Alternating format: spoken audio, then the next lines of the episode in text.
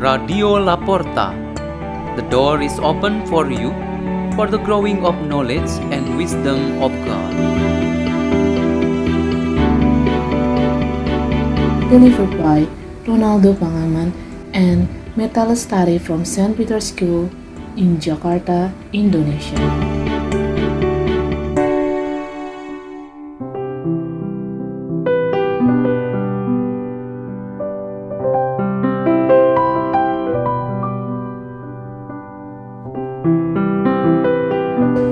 And meditation on the Word of God on Thursday of the fourth week of Lent, March 18, 2021.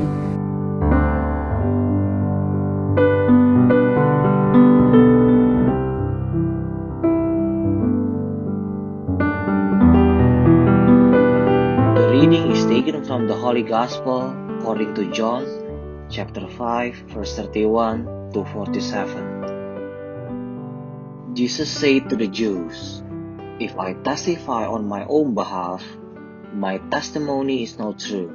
But there is another who testifies on my behalf, and I know that the testimony he gives on my behalf is true. You sent emissaries to John, and he testified to the truth. I don't accept human testimony, but I say this so that you may be saved. He was a burning and shining lamp, and for a while you were content to rejoice in his light. But I have testimony greater than John's. The works that the Father gave me to accomplish, these works that I perform testify on my behalf that the Father has sent me. Moreover, the Father who sent me has testified on my behalf. But you have never heard his voice nor seen his form, and you do not have his word remaining in you, because you don't believe in the one whom he has sent. You search the scriptures, because you think you have eternal life through them. Even they testify on my behalf. But you don't want to come to me to have life. I do not accept human praise. Moreover, I know that you do not have the love of God in you. I came in the name of my Father, but you don't accept me. Yet, if another comes in his own name, you will accept him. How can you believe when you accept praise from one another and don't seek the praise that comes from the only God? Don't think that I will accuse you before the Father. The one who will accuse you is Moses, in whom you have placed your hope. For if you had believed Moses, you would have believed me, because he wrote about me. But if you don't believe his writings, how will you believe my words? This is the gospel of the Lord.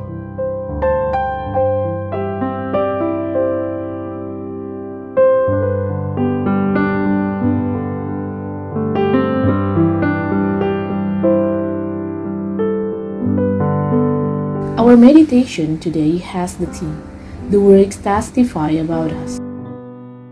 There was a young man who had finished university study at the age of 21 and was immediately over a good job. One year later, he asked his parents permission to get married. His father and mother allowed and supported him. There were many people around him doubted on the young man's maturity and readiness to start a family. But his parents defended him, saying, We know our son very well, and he is mature enough to form a family his own. He is ready to start a family. The enemies always followed Jesus and thought that he did not have any ability to do good. They did not recognize and did not accept that Jesus was sent by their Father in heaven. But Jesus defended himself that the proof for God's powerful influence over humanity certainly in the works that he does. The healing of the sick, the resurrection of the dead, the food for the hungry and thirsty, the casting out evil spirit and comfort from the sorrowful ones were some of the many that we know from the Bible. These are indisputable facts of God's Word. Jesus challenged his enemy to open their views and understanding, and now just follow a narrow minded perception. If they rejected himself simply as a human person, they must at least be objective to acknowledge his work. These works testify who truly himself is and at the same time recognize the Father who is the source of those works.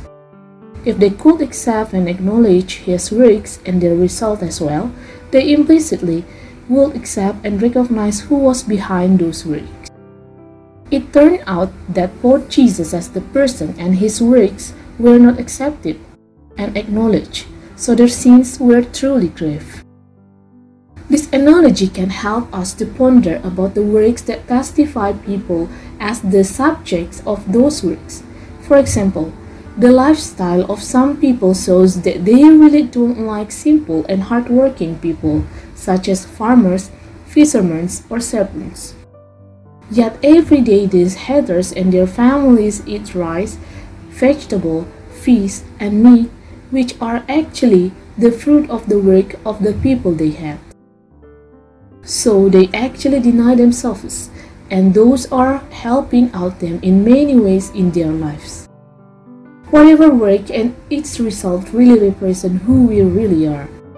Our self-reflection, whether we are generous or not, we are humble or not, we have faith or not, appears to be seen in public through our works and their results. Work and its results speak about the one who does the work. Everyone show all of this, so that people around him or her may also experience his or her work and the fruits of that work. And the basic requirement we need to follow is that we need to accept and acknowledge each other through the works we do and the results of these works. Let us pray. In the name of the Father, and of the Son, and the Holy Spirit. Amen. Almighty and ever living God, thank you for your blessings we receive today that allow us to work according to our respective vocation and professions. Bless also the fruits of our works Glory be to the Father, and to the Son, and to the Holy Spirit, as it was in the beginning, is now, and ever shall be, world without end. Amen. In the name of the Father, and of the Son, and the Holy Spirit. Amen. Radio La Porta.